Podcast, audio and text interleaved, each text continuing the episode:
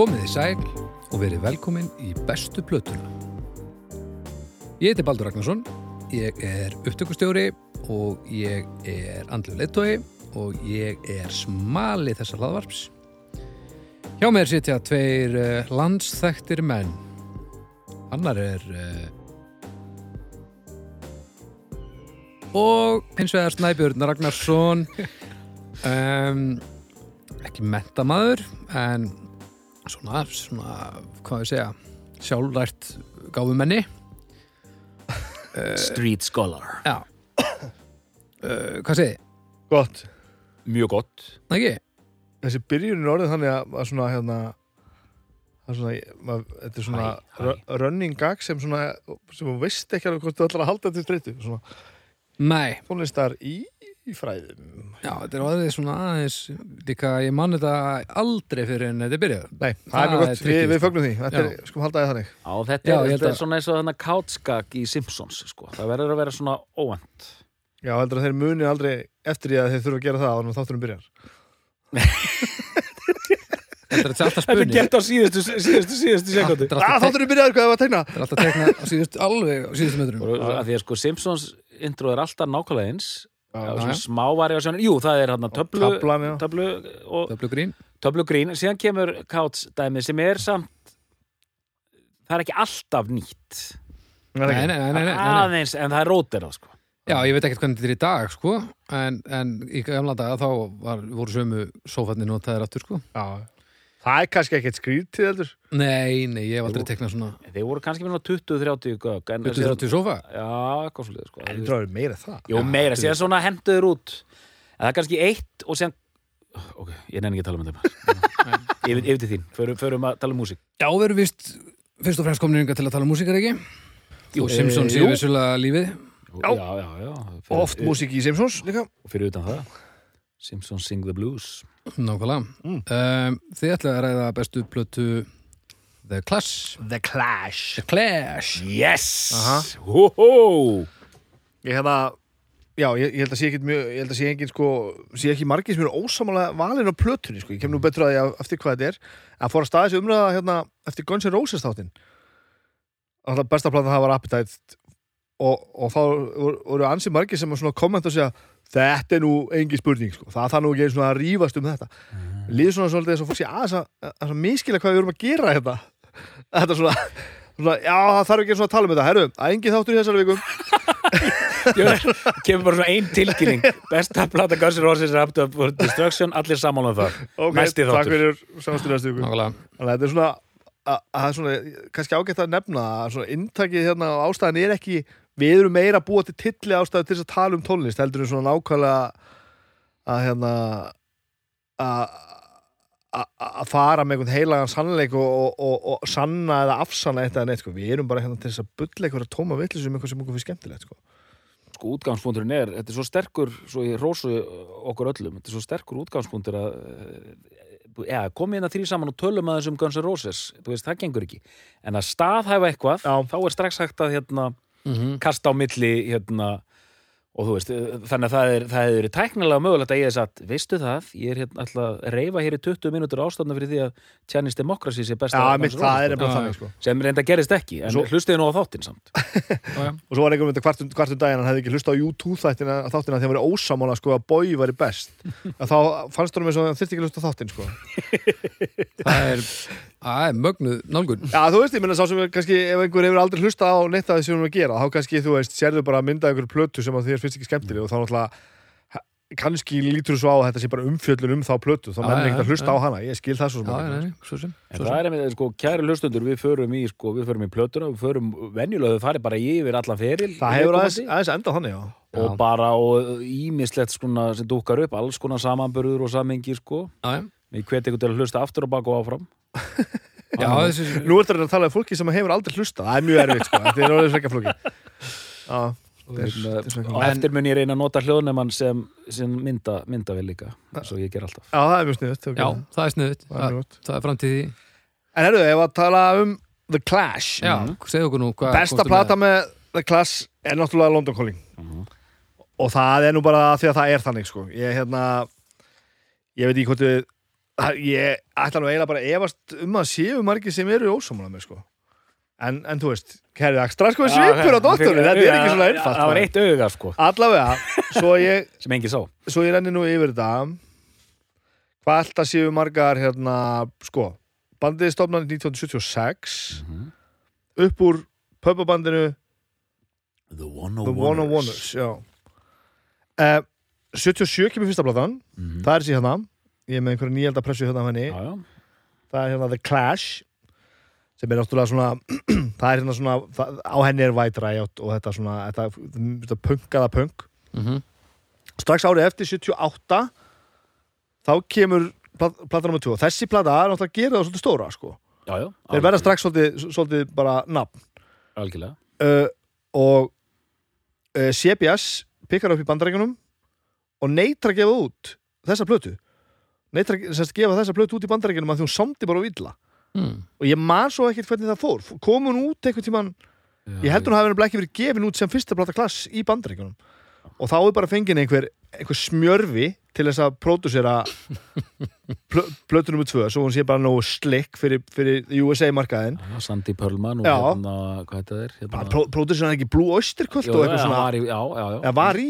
Var í, held ég alveg Já, ok, allavega og, og, og, og þá strax einhvern veginn svona og svo plata, hún er gefum við off rope, hún er svona Hún er slick. Hún er nefnilega slick. Hún er það nefnilega sko. og það, hún, hún, er, hún er slick og það, veist, það er bara rífast endalast um þetta sko, þú veist að þeir hafi svona skjóli nætu sko lækka söngin hjá honum sko. Þú veist, svo þetta væri meira svona útvarp sko. En, en sko fín lög En slick. Já, það er fín lög. Og, og, og, og góð plata sko. Hún er, hún er mjög góð sko. Mhm. En svona þeir eru ekki alveg ánæði með þetta og þetta er einhvern veginn allt svona einhvern veginn einhverjum voða. Svo bara, bandistómar 76 súplata, eh, klass, þessi hérna fyrsta plata 77, gefum við Off Rope 78 og svo kemur meistarafekki London Calling 79, þetta allt, gerist allt bara ár eftir ár eftir ár.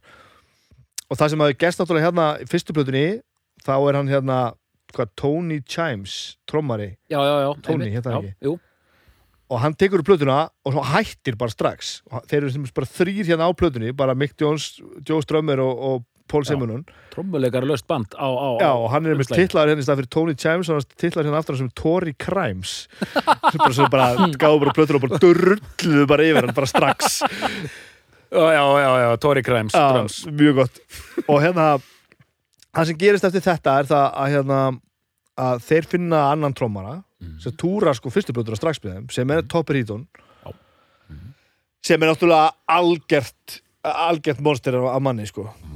Og, og hann túrar þá plötu þeir fara svo að gera gefum, við róp þar sem að svona, og það er viðtöl við til dæmis hérna Paul Simonon bassalegara sem hann er að segja hann eigi eiginlega ekkert erindi sko akkur þú geta að semja og eitthvað svona. Bara já ég sé ekkert fyrir mér ég eftir að semja þetta fyrir klass við erum bara með Mick Jones og, og hérna Joe Strömmir og þetta eru svo rosalegi menn bara og þetta er einhvern veginn ekkert minn staður í bandinu að vera að semja og eitthvað svona svo líður bara eitt ár og þá kemur London Calling og þá bæði er Topper Heaton hættur að horfa á sjálfan sig sem bara einhvern svona session trommara Mm.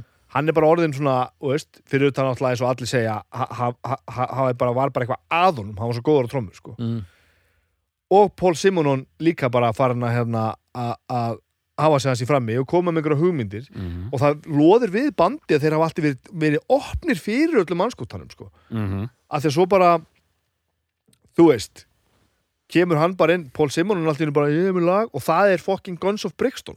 Mhm. Mm. og Joe Strömmir bara, þetta er geðveikt dót maður, lag og texti og allt sko. Og bara, og þeir eru endalustur að sannfara hann, hann um að hérna að syngja lagið, þetta er bara, þetta er snildalegt sko. En svo höldum maður sátt með fyririnn þá er þessi plata náttúrulega, þú veist við erum að tala meira um hann á eftir. Eh,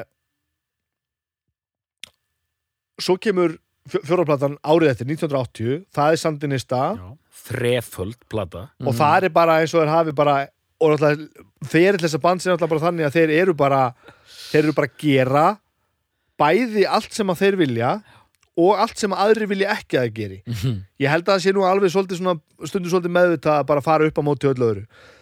Og þeir svona byrja sem náttúrulega grótart svona left wing ræjótt brestband Mhm. En falla mig fljótt frá því að vera punkband segja það bara sjálfur já, já, og eru komin í hatram stríð gegn því sem þið kalla the punk police já, sem ég finnst svo æðislegt konsept og maður þekki svo vel að það er bara að það er ekkert punk lengur, þetta er lélega hljómsið bless. Að þeir bara, eru fokkið ykkur bara við erum bara ekki búið til, búið til tónlist og, og, við ætlum bara að hafa þetta svo við viljum. Við erum strax inn á London Calling, alltaf strax í rauninni á gefum minn offróp og svo London Calling. Þetta er bara, veist, hvað er London Calling? Er þetta punkplata? Ég myndi, þetta er rockplata Það er rosa margt á henni, sko. Já, hún er alls konar. Og- hún er rosa sko- mikið reggi Já, og alls konar ska, svona dót, sko, ska og reggi. Svo kemur sér satt sandinista Já. þar sem að þeir náttúrulega einhvern veginn svona neita að gera sömu hlutin aftur, gefa mér út þrefalda plötu sem við taka, út bara, taka upp bara út um allan heim. 36 lög. Og enginn er einhvern veginn að pródusera, hún er tveir og hálfu tími sko. Já, já, þeir, já og þeir prodjúsaði hana sjálfur og, og hún verður skrýttar og skrýttar eftir þessum áliður sko. hlið 5 og 6, hliðar hlið 5 og 6 eru hérna, Joe Strömmur lísti einhvern tímann eitthvað, sagði eitthvað svona hérna only the bravest ones dare to go there veist, Já, já, já, þeir, þeir huguðustu sem að bara þóra að hlusta svona langt sko. og, og, og Sús plata er náttúrulega rosalega skrítin sko. Mhm.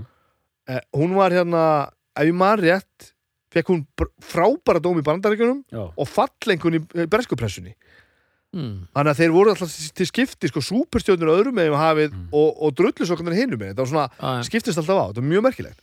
Hefur alveg líka verið að gerast með hana og við komum að því síðar sko, hérna svona undanfærin ár sko Já, ok. upp á svona, hvað, hvað er þetta kallað? En, endur, endurlit Nei, já, já, svona endur endurskoðun Já. og uh, er svo endur skoðun að gangi báðar áttir nei, endurskoðun og nú er, nú, er- nú er fyrir að stilla þessum tveimum plötum saman sko, sem hugsanlegum hérna handhöfum þess titil sem þú ert búin að sæma London Calling að Það er svoleiðis. En Svo við klá klárum þetta. kíkjum á þá eftir Þetta er, uh, Sandinista er 80. mm -hmm. Uh, svo kemur, Combat Rock hún er 80 og Tvö. 2. Mm. Og einföld einföld. Átti að vera lengri. Mick Jones var bara um pródusserina lengri. Miklu lengri lög og eitthvað. Svo fenguður einhvern glinn eitthvað. Hvað heitir hann áttur? Lynn Jones Nei, er það?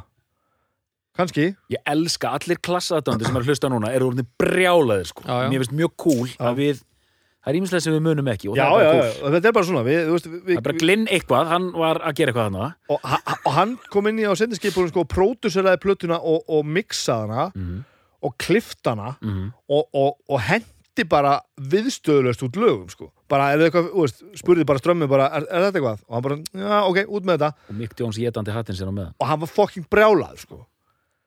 Uh, og það er svona plata sem að er ásvöldi skrýtnum stað. Mhm. bæði er bandið að liðast í sundur og að mörgum ekki tali vera svona þeirra besta stöf Nei, en þannig er sko Sjúra Sjúra- og Sjúra. Go og þannig er sko the Kaspa nákvæmlega. Veist, þessi brjáluslu lög the Kaspa sem sko Topper Heaton trommari samdi, þú veist, hafði aldrei gert neitt þú veist, Já. nema bara einhverju, einhverju slagtói við hinna, hinn er ekki mættir í stúdíó og hann er bara með eitthvað, eitthvað píano gullt sem hann er með einhverju hugmyndum Mm. fer bara inn í, inn í klefa og trommar eitthvað beat sem hann dettur í hug lemur svo þetta píano on á og er svo bara svona eitthvað þvælast í stúdíu að finna ykkur hljóðfæri og henda multitrakka þetta on á og svo koma þeir og þeir bara hvað snild er þetta?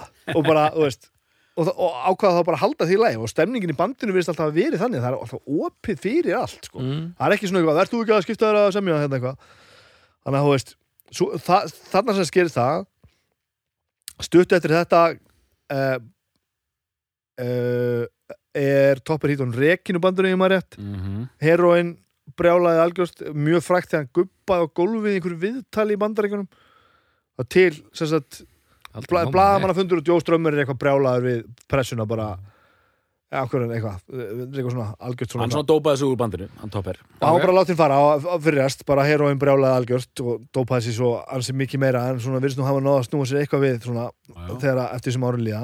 Og svo náttúrulega bara ekkert löngast við það að, að þá fáður einmitt hérna Tony Chimes aftur sem að trommaði fyrstu plötuna. Hann, tró, hann, hann trommaði svo með þeim hann restina af, af ferlinum held ég alveg til 86 Já, og síðasta platan og þá er Mick Jones hættur. Já. Mick Jones og Joe Strömmur að rífast þessi lefandsósköp og hann hættir og það fyrir allt í steik og þeir eru bara valla on talking terms lengur.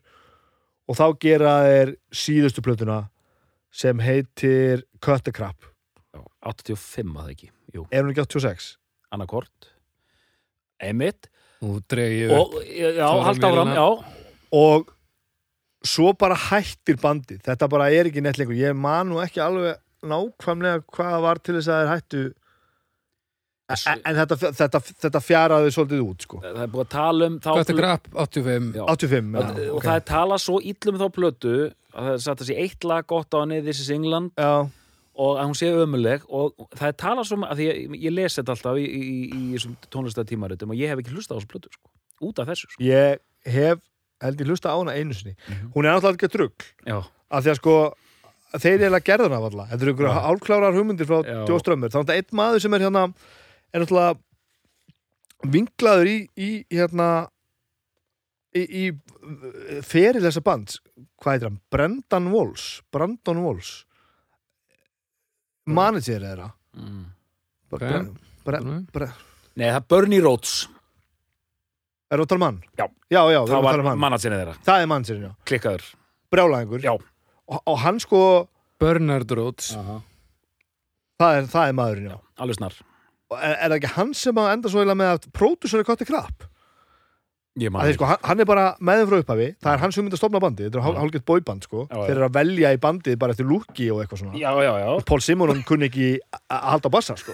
ég sá hann og bara, ég bara Og- og spilaði tónleika með það sem var búið að merkja inn á hálsin á hann bara búin að merkja bassan svo hann vissi hvað hann setja puttana. Og fyrstu, fyrstu sko, dómar fyrstu tónleika The Class eru bara þetta er vonlust, bassalegan hefur aldrei komið við svona hljóðfæri áður.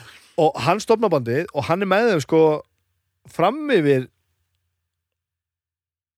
London Calling held ég örgulega ég geti verið að slá saman. Allavega hætti svo og bandið fyrir spað. Eða hvort er með þeim jú, held ég og það er allt komið í steik. Og hann, þeir enda með að ráða hann aftur sko. Já, það er bara rétt fyrir þessu síðustu. Ok, nei, það er lengra. Uh, Þeir recently reinstated minister Bernie Rhodes. Já, ég held að það sé þriða skipti sko. Ah, ok.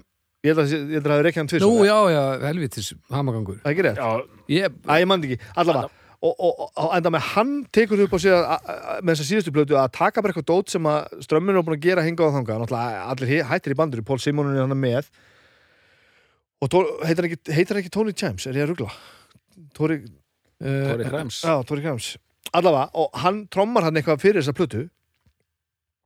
Og því er eiginlega hent. Þetta eru bara trommuheilar.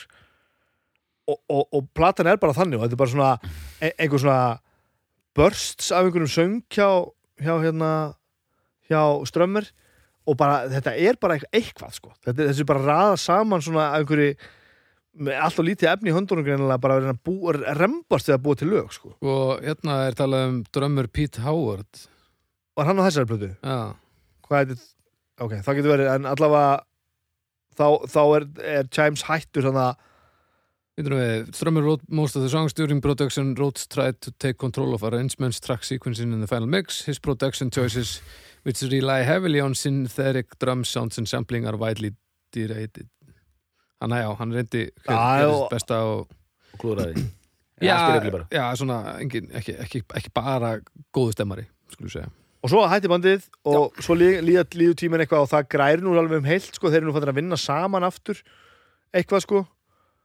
Allir held ég alveg örgulega höfðu komið saman eitthvað aftur sko, svo eru sko Simonon og, og setna sko eru Simonon og, og, og hérna Mick Jones búin að búin að hérna túra með Gorillaz sko saman. Já, já, já, þeir, Mm. þeir. Og, og, og strömmur var farin að kóprúdúsa eitthvað hjá, hérna, hjá Mick Jones hinu bandinu hans, nýja bandinu hans. Og hitt og þetta, menn Já. hafa ekki ekkert endaði mjög illu sko.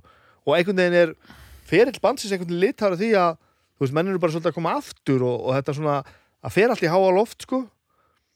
Og þetta er náttúrulega alltaf þannig að þeir eru sko eigingan peningur, bara semja allt af sér þeir eru alltaf að gera eitthvað hlut sem þeir eigi ekki að vera að gera CBS er að gefa út plötuna þeirra og þú veist, þú maður gefa þrefaldar plötu og þeir, þú veist, CBS segir bara nei, það er dýrt, það bara, já, þá borgum við bara, þið takir bara royalties af eitthvað ég man ekki, fyrstu 200.000 eintökunum í Bretlandi eða eitthvað slags þannig að þeir eiga aldrei neitt pening þetta er allt í einhverju steik, sko. Nei. risastórir. Og svo er líka virðist alltaf fylgja, fylgja hérna sögunni að, þeir hérna þeir eru alltaf að verða að því er, sem er, sem er hötuð mm. þeir eru alltaf móti sko móti hérna corporate stuffinu og móti stóru kollunum og því öllu saman Mm. alltaf spila litlum klubbum að því að þú veist það er svo true sko og svo endur hann alltaf bara með því að, túra með The Who og spila bara á einhverju stadiums út um allt sko og, og einmitt uh, Joe Strömmur segist aldrei að skamma sig meira heldur en þegar hann fór sko með Andy Warhol á Studio 54 eitthvað svoleiðis. Þú veist, þetta er allt sem hann eitthvað svona algjörðum sko. Ég vildi nefna, sko, einmitt eftir að klass hætti uh, það var auðvitað alltaf smá svona valda barátta milli Joe Strömmur og Mick Jones. Á meðan bandi st- Já, starfa meðan bandi starfa, það var svona núningurinn. En bara því ég er að mun eftir svona viðtölum sem ég lesi við það sko að þú veist, menn er að mæta saman í viðtöl kannski, Paul Simonon og þú veist Mick Jones í dag. Já, er eitthvað svona arleiðar viðtöl Topper er daldið bara út úr mixinu, bara eðlilega í dag í dag sko, Já. hann er bara svona eð, ég held að sé allt í lægi með hann, hann er bara að vinna einhver staðar sko, bara, já, já, hann er hérna hann er svona nuttari, svona heilsunuttari Er hann? rekur, alvöru? já, rekur svona einhver, einhver, einhvers konar heilsunutt Já. og hann er, hann- er sem lærður, hvað heitir þetta, hann er bara lærður svona svipa hann, hann að íþróttamaður, hann að Jón Arnar Já, kýrópratur. hann er bara þetta sko, vinnum bara við það. Hinn er tveir þetta virkir tónlistamenn ennþá Mick Jones og, og, og Paul Simonon en þú veist, það, það, það var þetta alltaf, Joe Strömmur var lengi vel svona dáliti bitur og svona hann var að keira sitt band hann að Mescaleros. Já, uh, Mick Jones stopnar þarna Bad, hérna, Big Audio Dynamite já, sem að gera svona hip-hop tilraunir og svona. Paul Simonon stopnaði band sem hétt Havana 3am sem var með einhvern svona suðrænum blæ sko þannig að menn voru að keira þessa ferla einhvern megin eftir klass sko Joe Strömmur var að gera kvíkmyndamúsík og svona já. en já, eins og og- síðan deyr hann þarna, hvenær var þetta? 2005? Tvö. Já, já, já, einmitt, fyrr sko og og þú veit, eins og ég segi, ég er alltaf að lesa um klass að þetta er ekkit smáraðis vinsælt umfjöllarnefni í Mojo og Uncut og þessum blöðum að bara á svona 5 til 6 mánuða fresti kemur svona grein The Last Gang in Town sem kemur eitthvað svona ógeðslega flott mynd af þeim af því að, kem því hérna að þetta er auðvitað ein svalasta hljómsveit bara Bara, sögur þetta, er- þetta er rosalegt sko. Þetta er rosalega... Þetta er ofbóðslegt Rosalega sko. gott. Það er bara, og bara hvernig er lúka og til dæmis hvernig er standa framan á sandi nista sko, maður er bara svona, já, já, amen hugsa maður Það er bara þannig og uh, og hérna og, og þú veist, það er þess að greina, það er alltaf verið að skrifa þess að greina aftur og aftur og aftur hvað hérna þetta og hitt og Last Gang in Town og The Greatest Band og bla bla bla og hérna. Óli Palli, hann segir bara best, besta rockljónsveit sögunar og svo framvegis sko. Þeir sem sáu þetta spila, þeir segja bara þetta hefði ekkit verið þessum heimi sko. Þetta hefði bara verið alveg ofbóðslegt Strömmur segir sjálfur að Topper Heaton hafi það hefði verið kjarnin í því hvað það var gott. Já, ég hef líka séð, ég hef þetta, uh, unglingurinn sem ég er, ég hef bara séð einhverja YouTube-klippur, en rosalega, nú, nú tala ég svo gammalt kall, því lík orka á sviðum. Já, þetta er, það er bara þannig. Og bara, maður bara hrífst með og maður sér, að því að það var búið að vera, aðtöðu það, það, það var búið að vera svo mikill upptaktur að þessu, maður sér þeir eru hann á sviðinu, sko, Joe Strömmer og Mick Jones, þeir eru svo geðveikt æstir, öskrand væpandi í mikrofónin og alveg bara svona, og Paul Simonon bara svona svalasti maður bara heiminum, tíma, já, bara, fyrir og síðar, það er bara með þannig geðveika hérna og, hann, og þeir sem ekki vita þetta er hann framan á London Calling að, að, að, hérna, Brjóta bassann. brjóta bassann. og hérna og geðveikt flotta myndi líka aftan á sko. þetta er bara eins og einhverju hermenn sko. og hérna, hérna eins og sagt er í hérna, eins og sagt er í þessum þáttum glæsi menni alveg. Já, Já, og já, ég tölu Pól Simonon í dag, þú veist hann er, ekki- hann er ekkert minna svalur í dag sko. hann er Og- ægilegu spaði sko. svakalegt sko. Og, og þeir, maður sér þetta sko. Það er alltaf verið að vittlust á sviðinu. Paul Simón og þeir gítalega þeir alveg brálaðir og, og trómulegur og allt, allt gengur upp.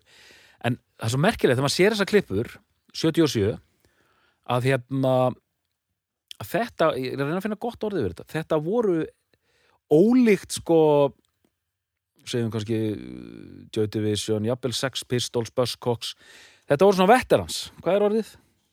Bara brautriðendur, mennur Nei, nei, sem sagt- Nei, á veterans. Þetta, þetta er, voru hérna gamlir í hettunni Þetta voru gamlir hettunni, voru vanir menn. Já, já, nákvæmlega. og, og, En þeir náttúrulega koma eftir Pistols Ég meina, Pistols eru á undan, sko Mhm. Og þeir, svona- þess, þeir sjá Pistols og hugsa bara Wow, þetta breytti leiknum, nú þurfum við að gera eitthvað Já, er, er þetta röðin?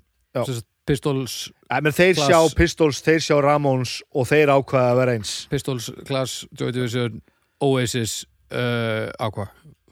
Já, cirka Já, þess að uh, Joe Strömmur hafi verið í þessu pubbarocks elementi alveg síðan eitthvað 73-74 og var búin að vera harka í 2-3 ár Mhm. Og hann, síðan koma þeir hann að Mick Jones og Paul Simon svona inn bara gerum þetta, reynum að gera þetta. Og það er verið að reyna að stopna bandi og það er verið að velja menn ykkur svona auditions og eitthvað svona. Þannig að þetta er þetta, ég er bara að segja þetta sem staðarendi sko, þetta er miklu prodjúsara heldur, heldur en fólk heldur oft sko. Já, já. klass yfir höfuð. Já. já, já, og, og, og svona bara og, og bara fatt, þú veist, það er reynd að breyða yfir ímislegt, sko, þú veist að eh, Joe Strömmur er reynd að breyða yfir reyminn, sko. Hann var millistjættar, hérna svona hérna hermannastrákur, sko. F- ferðast á milli, hérna her, herman, her, herman, herman, pappans var hermaður, sko.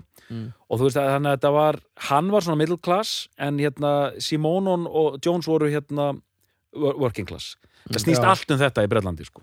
Algjörlega sko. og, og, og, en síðan að því það er svo flott sko þeir eru hann æstur upp á sviði en þetta eru ekki ungi reyðir strákar sem eru að fá sitt fyrsta breyk. Þeir eru líka svo gladir að vera loksins komni með þetta sko. já. og þetta er bara gang upp og síðan þetta voru þeir og það verður að gefa þeim það allt og þetta var gríðarlega ástríðu fullt bara, það var bara músík númer 1, 2 og 3 og það reyð fólk með sér. Já, það er þannig. Vangefnir túrar, þeir voru ekki, þú veist þeir tóku aðdándur og leiðum að gista inn í hótelherbergjunum sínum og svona þetta voru bara, þetta voru góðu gauður sko. það var bara alltaf opið backstage það var bara þannig, bara eftir tónleika já, En Og fyrst þegar við varum að túra sko þá er alltaf hérna eða kallt úti, það var alltaf bara að hleypa fólki inn strax.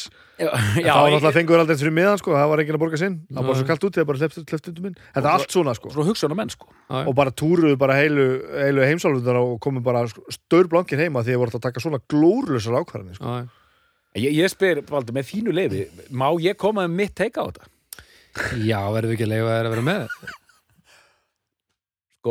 að að já, sem er hérna það verður ekki mjög dramatist, dramatist sko. ég bara, mér finnst gaman að tala um þetta því að hérna já, fyrsta platan, hún er alveg frábær sko. hún er frábær hún er alveg bara svona geðveikt sko, lögin bara einu og hálf mínúta eða eitthvað alveg skilið Drullugt og bara, búm, bara í gegn sko mm. og bara, og rosalega vel spilandi band Já, það er strax svona, sem, sem ég fyndi í ljósið þess að, að sko, þreymum mánuðum áður eða eitthvað, þá gatt Pól Simonum bara ekki haldið á bassa, sko.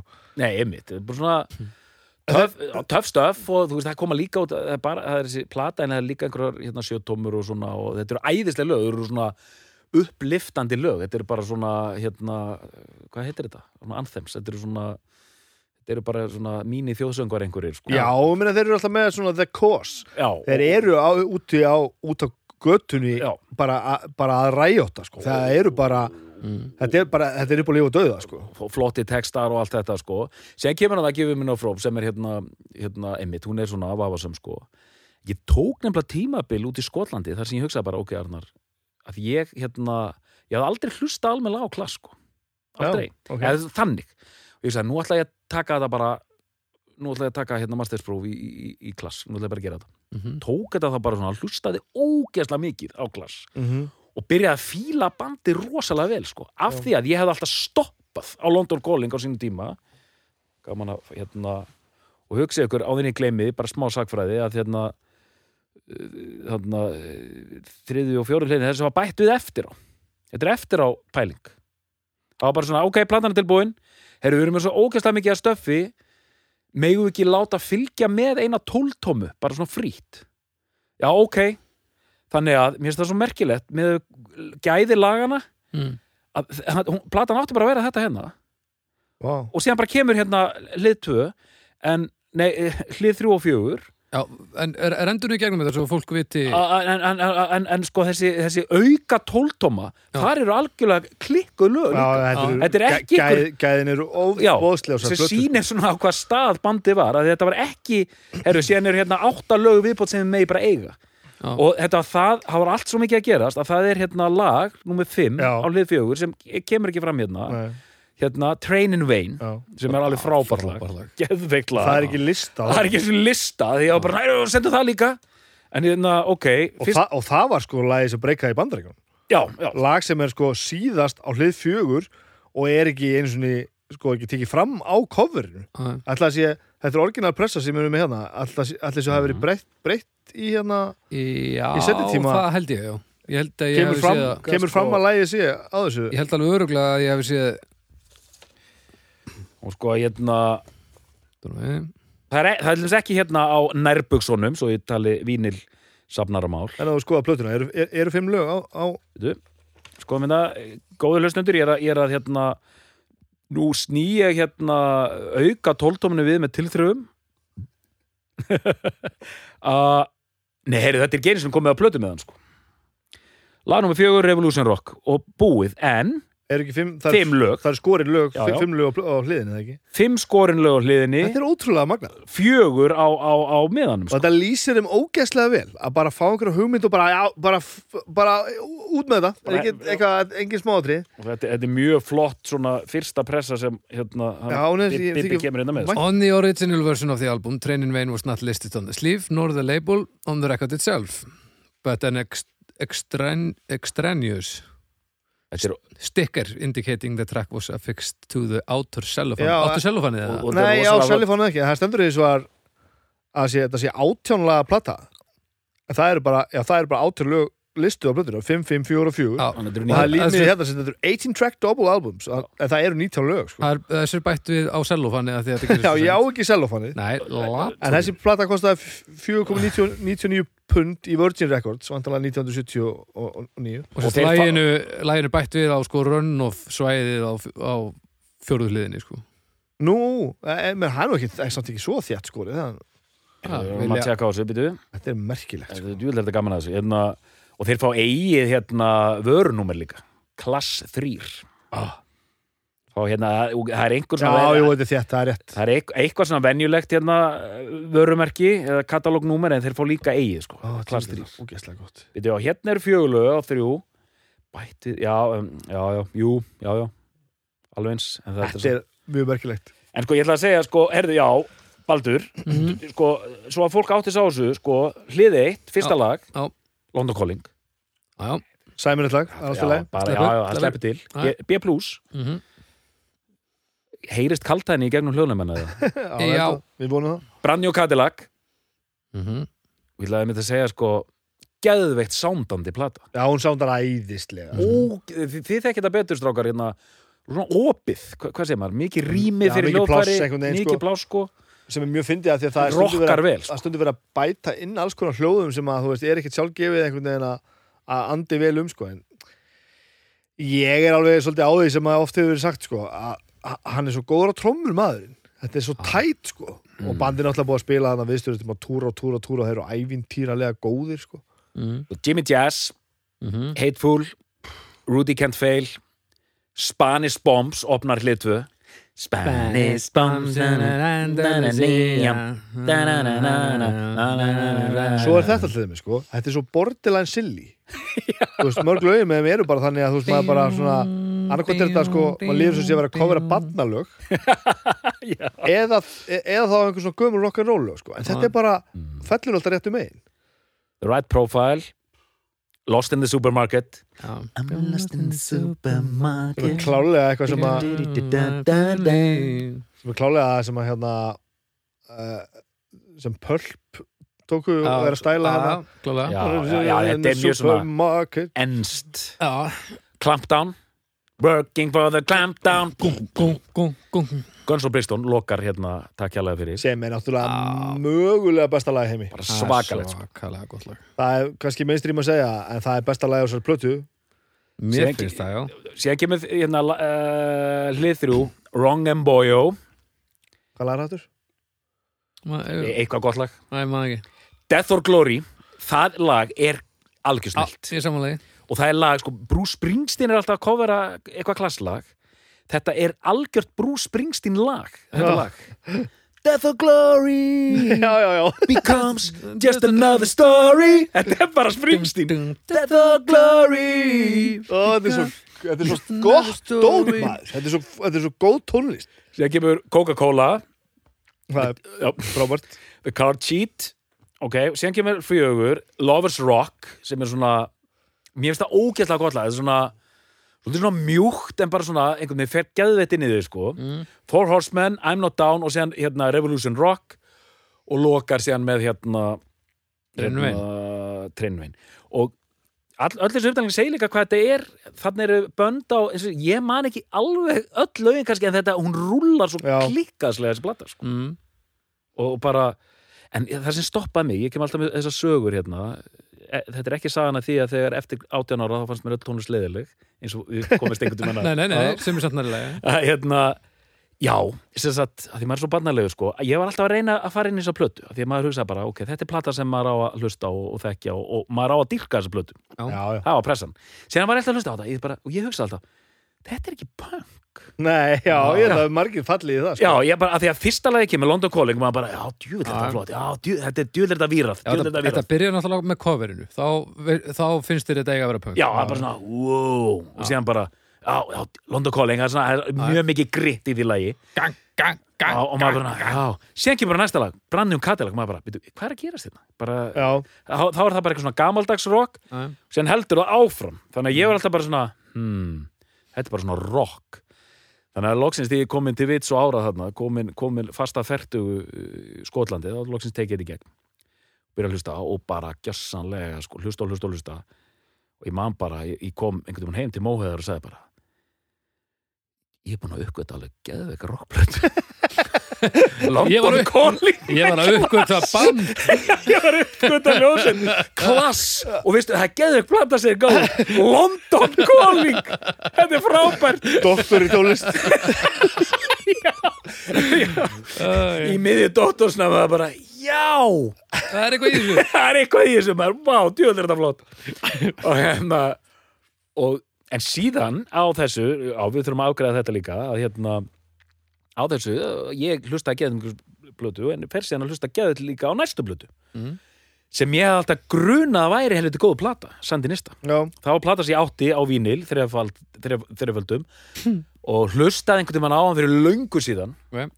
bara, ég man, þegar ég var í, hérna, í þessu hliðar doktorsnámi mínu doktorsnámi klass að reyna, hérna, reyna hérna, hafa smá catch up fer ég líka í, og þá hafði ég þessa minningu ég hafði alltaf gefist upp á London Calling en mér myndi að það var eitthvað í Sandinista sem ég fann svolítið, að þetta er svolítið töff það er eitthvað, að gerast þarna Já. Þannig ég tek hana aftur í gegn og það er, nú, það er bara fullkomlega hérna svo platta er bara fullkomlega tjúluð sko. hún er bara stór skrítin hún er bara, hún er mjög skrítin það er bara það er bara hérna sko, það er eitthvað verulega mikið að þarna sko. Því að hérna, maður byrjar að hlusta byrjar, býtu, ertu með hana hérna fyrir frá mig byrjar með hérna Magnificent Seven eða ekki?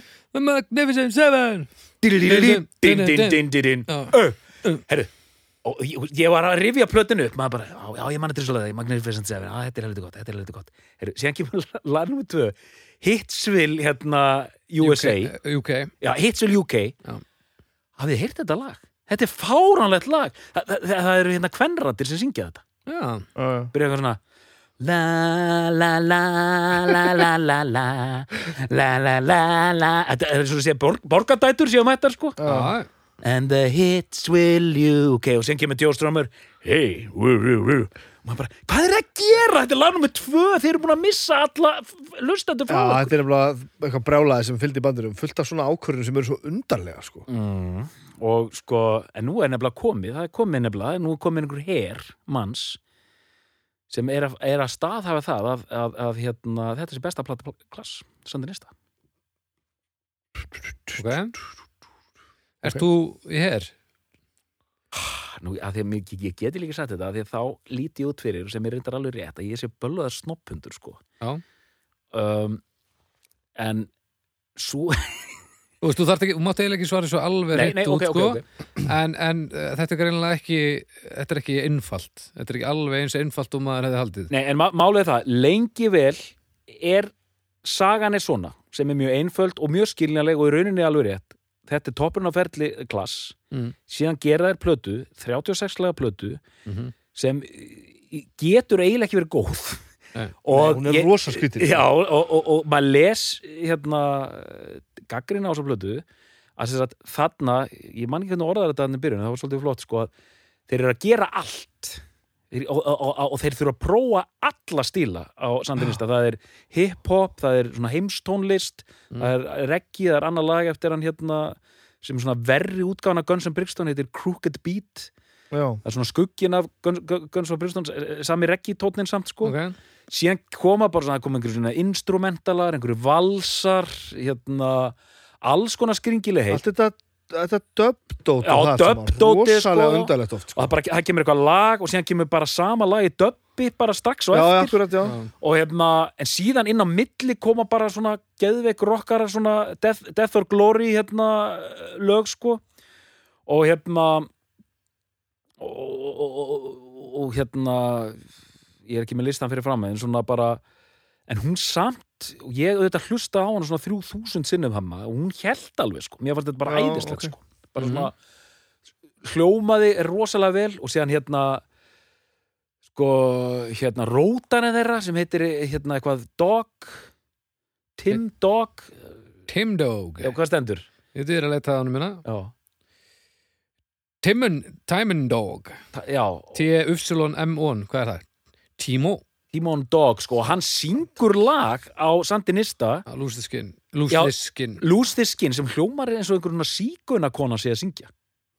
Þetta er bara, það er, það er svo í alveg það er svo, lagið hafi lent á plötinu bara óvart sko. já, það er er nú- er þannig með þessi mörg lögur sem plötu, það er svo það er bara, það er bara gest óvart. heimstónlistarsessjón í næsta stúdíu og hérna, þetta var óvart köttaðin á plötuna. Já, en Ég- já, já, ég er að vinna með manni sem heitir Snorri Sturluson sem er náttúrulega einmitt. höfusnillingur já, meiri klassmann finnur nú held ég ekki. Hann er rosalegur sko. hann er sammála mér sko. Ég er búin að ræða þess við hann núna í aðdraðanda þess að þáttar sko. Hann, hann er London Calling maður sko. Hann og hann segir það bara að þetta sé bara besta platta í heimi sko.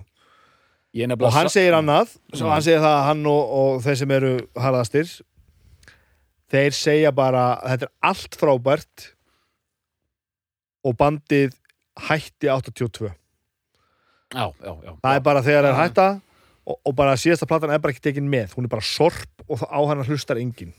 Já, já. já. Köttikraps köttikrapp, hún er bara, ekkit, hún er bara ekki með í þessu. Bara þegar krapp Leiðilegt að enda svona maður. En mér finnst mjög fyndið, ég er nefnilega að hugsa um hérna talandi um hérna internetið og fjasbókina að eh, þetta er þessi gamla MS klíka 72 lið, Snorri Sturlu 72, jafnvel eldri, okay. þetta er gamla lið sko, Snorri Sturlu, Freyr Eyjóls og Otto Tínes og þessi gamlu hundar. Mm. Þetta eru allir miklir svona sandinista menn sko. Og Freyr Eyjól sem er hérna á ansi hérna slingu, en slingupenni hann er mikil sandinista maður sko, Já. hann sagði með það sérstaklega. Mjög mikið, hann er slingupenni hann hérna Freyr og hann skrifaði eh, svona um sandinista, hvað þetta var hérna, geðu þetta, herru, kemur ekki Snorri Sturlu svona inn á þráðun og segir, besta plati heimi.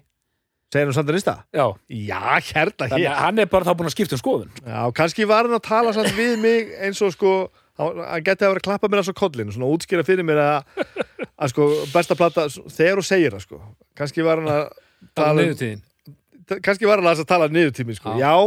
þetta er kannski svona út af við besta plata í heimi en, en, en hann tók það sérstaklega fram með en svo var hann sko hérna uh, hvað heitir hérna næst síðasta platan hérna uh, hvað heitir hún hérna já, Combat Rock. Já, ko- hann- mikill kombat rockmaður hann sagði að það var svona í se- setjutíð sem hann væri farin Já. að hlusta mikið, mikið þar sko.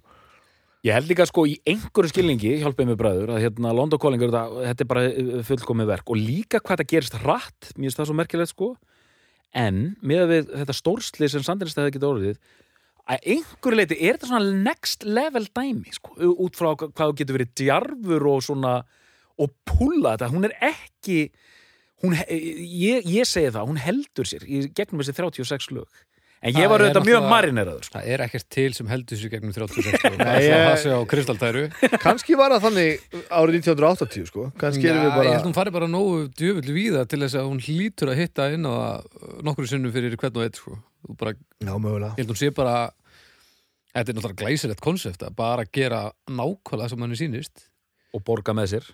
Og, Já, já, Já, meira meina borga með sér. Þeir borguðu með sér hérna með, með, með mitt sandinista sko. Það var, þetta, að því hún er þreföld sko þetta, þe- það var aldrei möguleiki á að það borgaði sér vist sko bara upp á pressu kostnaður já, já, já. Það var að tala um sko þegar hann kemur aftur svona umbórsplebina, hvað þess að hann heiti, Bernard eitthvað? Róts, Bernie Rhodes. a- a- að þá skulduðu þeir sko ég man ekki hvað mikið sko. Það var, eitthvað- það var eitthvað brjálaðislega sem bandi skuldaði það áruðinu og þeir risa stóri sko. Já, já, og hvað hvað áttu þið bara, eh, voru bara í bullandi mínu skulduðu öllum allt bara bara ves á þeim. Búin að gera umulega plötusamlinga við CBS og, og þetta var allt í einhverju svona steik sko. ég hérna síðan sko talandum hún eiginlega klúraðist álítið hérna gefur mér náttúrulega fróp út af hann var, hann var svo mikið hands-on sá sem prodúsaði hann Já, og óþægilegt. En þessi Guy Stevens sem prodúsar hérna upptökustýrir hérna London Calling mm Mhm. hann var svona 60-skur og mér minnir það eiginlega sem það hann var svona hands-off já, bara ok, strákar byrjaði að spila. Já. en nær líka, mér finnst þetta alveg lista vel gert hvað, hvað öll hljóðfærin eru skýr. Alveg útrúlega sko. bara mikið pláss og, og gríðarlega vel En þetta komum við samt alltaf aftur og aftur á því að, að, að vel spilandi band hljóma betur. Það er þannig. Band sem spilar vel, það heyrist betur það sem það sem er að gera. Já. Það er þannig. Og undanþendingar lítið er það svoleiðis.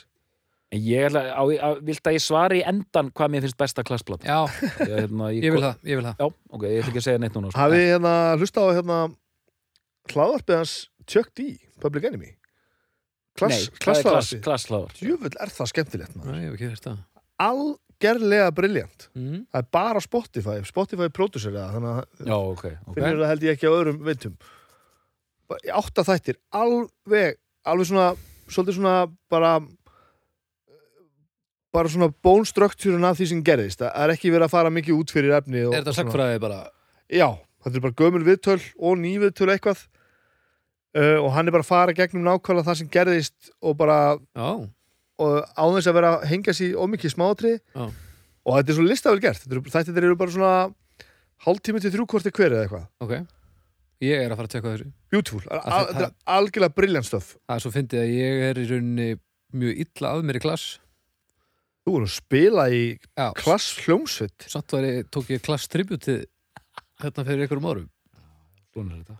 Og sko músíkuvæs, þetta er æðislegt en ég er ekki beint svona ég hef ekki verið að kafa mikið sögu eða eitthvað og samt veit ég hvað þetta er áhugavert sko. hvað var þetta mörg lög sem þið spilið? hvað vorum við mikið á prógraminu? það veit ég ekki, þetta var bara helvið tvellingur Já. og ég var að syngja hérna Lost in the Supermarket og eitthvað og...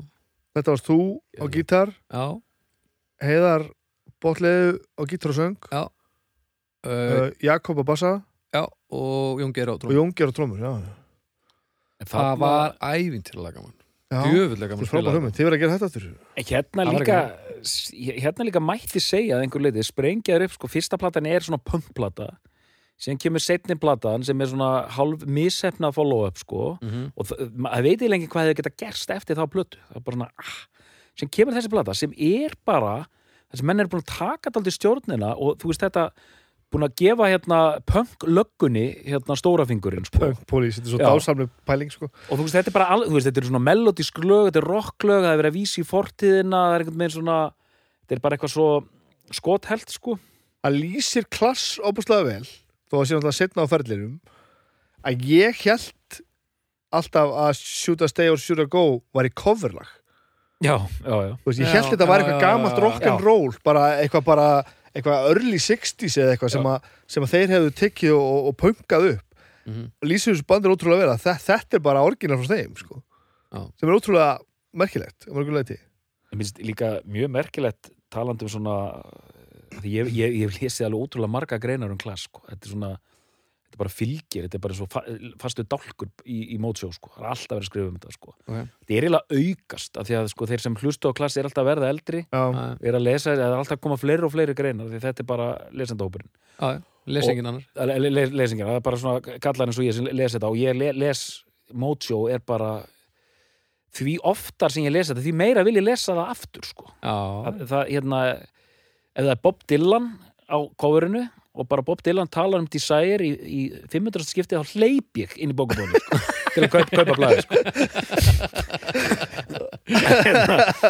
þannig að- maður er alltaf að lesa þessar greinar aftur og aftur og hérna, þá er svo merkilegt að lesa því með að One on Oneers já, sem bara einhver svona London bandi einhver 2-3 ár að þegar hann tekur ákvörununa hann, hann strömmar og hann var með svona hann var með krullur sko og með svona hárið svona, hann var ekki ós, ósveipaðar þér eins og hefur stundu á myndu með, með ljótu hálfutanum sko mhm og var bara svona hippi og í, í útviðum buksum síðan er bara stóra breytingin þá bara rakar hann sig streit svona buksur og hann sleit líka öll tengsl við gam- gamla vini sko já, já. þetta var bara algjört rístart sko já, menn voru eitthvað fúlir út í hann fyrir það hvað hann hefði verið sko, sko og tvöfaldur í róðinu sko. Já. mannvinnurinn mesti en það átti ekki við um allt sko. Mm. svaraði bara ekki köllum hérna út á götu sko.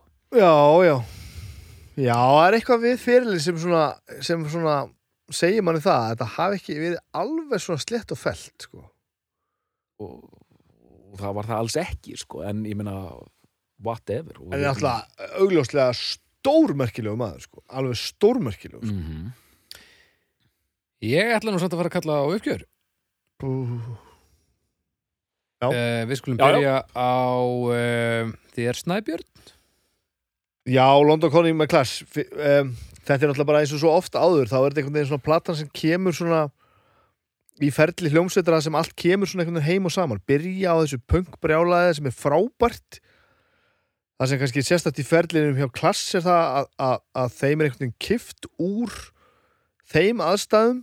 Það sem að þeir eru svona einhvern veginn að gera það sem þeir vilja og gera allt rétt kifta aðeins tilbaka það sem einhvern fyrir að fokka í því sem eru að gera og það er svona aðeins er, þeir lenda í það að, að aðrir eru svolítið að gelda það sem þeir trúa á og Mm. það er svona eins og kannski svona e, í stóra saminginu að það hefði gert þeim svolítið gott að þeir hafi komið tilbaka kolbrjálaðir sko upp já. úr því Já. og þess vegna verður London Calling svona mikið á þeirra eigin forsendum og, og, og, einhvern veginn svona full af þessum krafti og, og, og þessari sannfæringu um þetta sé allt saman rétt. Mm. en svo er líka annað í þessu og, og, og við þurfum að tala um hvað þetta er stuttu tími sem líður á milli platna. Djúvillig hafa það sami mikið af músík. Þetta eru svo mörg riff þetta eru svo mörg lög, þetta eru svo margir textar. þetta er, svo, þetta er svo mikil vinna sem við farið í þetta og svo vorst að segja á þann þetta er ekki svona einfalt, pródúseringin er ekki straight forward, það þurfti að semja þetta útsetja þetta og, og bara vita hvernig þetta átt að vera sko. Þegar ég þurfti að pikka þetta upp. Já. Þetta eru margir effektar Ég hef aldrei notað effekta nei, þetta eru margir petalar Já, ég, ég hringdi Edda og ég fekk töskunarlána. Eða töskurnar. Mm Þetta var ævintilegt að, reyna að pikka þetta allt saman upp sko. Þannig að það er, það er helviti mikið í þessu. Og svo er eitt sem að heitlar mig alltaf við klass. Og London Calling kannski endur speklar það óbúslega vel. Það var hann sem þú varst að segja á hann Arnar. Þetta er ekki punk allt við þetta er punk en svo er þetta bara ekkert punk þetta er ekki svona einfalt og ekkert við klass er svo einfalt að segja þetta slengja punk límiðjan á mát og segja bara já, punkljóstinn klass frá, frá Englandi sorry, það virkar ekki lestarstjóri, ég verið að fá að vita eitt sko, af því að þegar ég svara ef, ef ég, þegar þú spyrð alveg endan, ef Já. ég segi já þá er alveg ljóst að ég er sammála, en ef, ef ég myndi segja nei Já. Og þá, verði ég samt að útskýra hver mér finnst vera besta klassplatan, af því að það var kvartað við því í einu þættinum að það vantaði sko. Já. þannig að ég bara- þá koma eftir að skýra ef ég segi nei. Við skulum bara skoða það þegar Já, það er að kemur. Ok, þú en vilt að ég segi se, já, er svo hátilegt já, vilt að ég segi eitthvað um þessa plötu hérna, núna. Já, já takk. Herru, bara hann er að fara að segja nei, sko. ég heyri það. Eða, eða já, eða hann er með gríðalega gríðalega lélur í vendinga já leiðum honum að leiðum honum að tala. Uh, þessi plata er bara uh, alveg ótrúleg sko og hérna þannig kemur saman bara uh, máttur hljómsveitarinn einhvern veginn og bara fyrsta platan sem þeir stíga ótrúlega mikið út fyrir ramman og gera það sem þeir vilja fylgja hjartanu og búa til plötu sem er bara, veist rock, punk, eitthvað bara algjör svona, bara þeirra þeirra yfirlýsing einhvern veginn. Þetta er, þetta er algjör svona, þetta er ótrúlega hetjuleg plata því að menn, menn vissi ekkert hvað var að fara að gerast endilega eftir hérna gefið menn á fróp Mm. og þessi plata kemur út, algjört meistaraverk, algjörlega og líka bara það er eitthvað við þessa plötu, maður hlustar hana alla hún bara svona hangir alveg ótrúlega vel saman. Að vera með þessari plötu í þessa, þennan klukkutíma sem þetta tekur að hvað það er bara sko stórkostlegt. Mhm. mikið er í saman að þessu Þannig að Snæbjörn Er þetta besta plata The Clash? já, Doktor, er þetta besta plata The Clash? Já. Við þakkum fyrir í dag og við heyrumst að vikuliðinni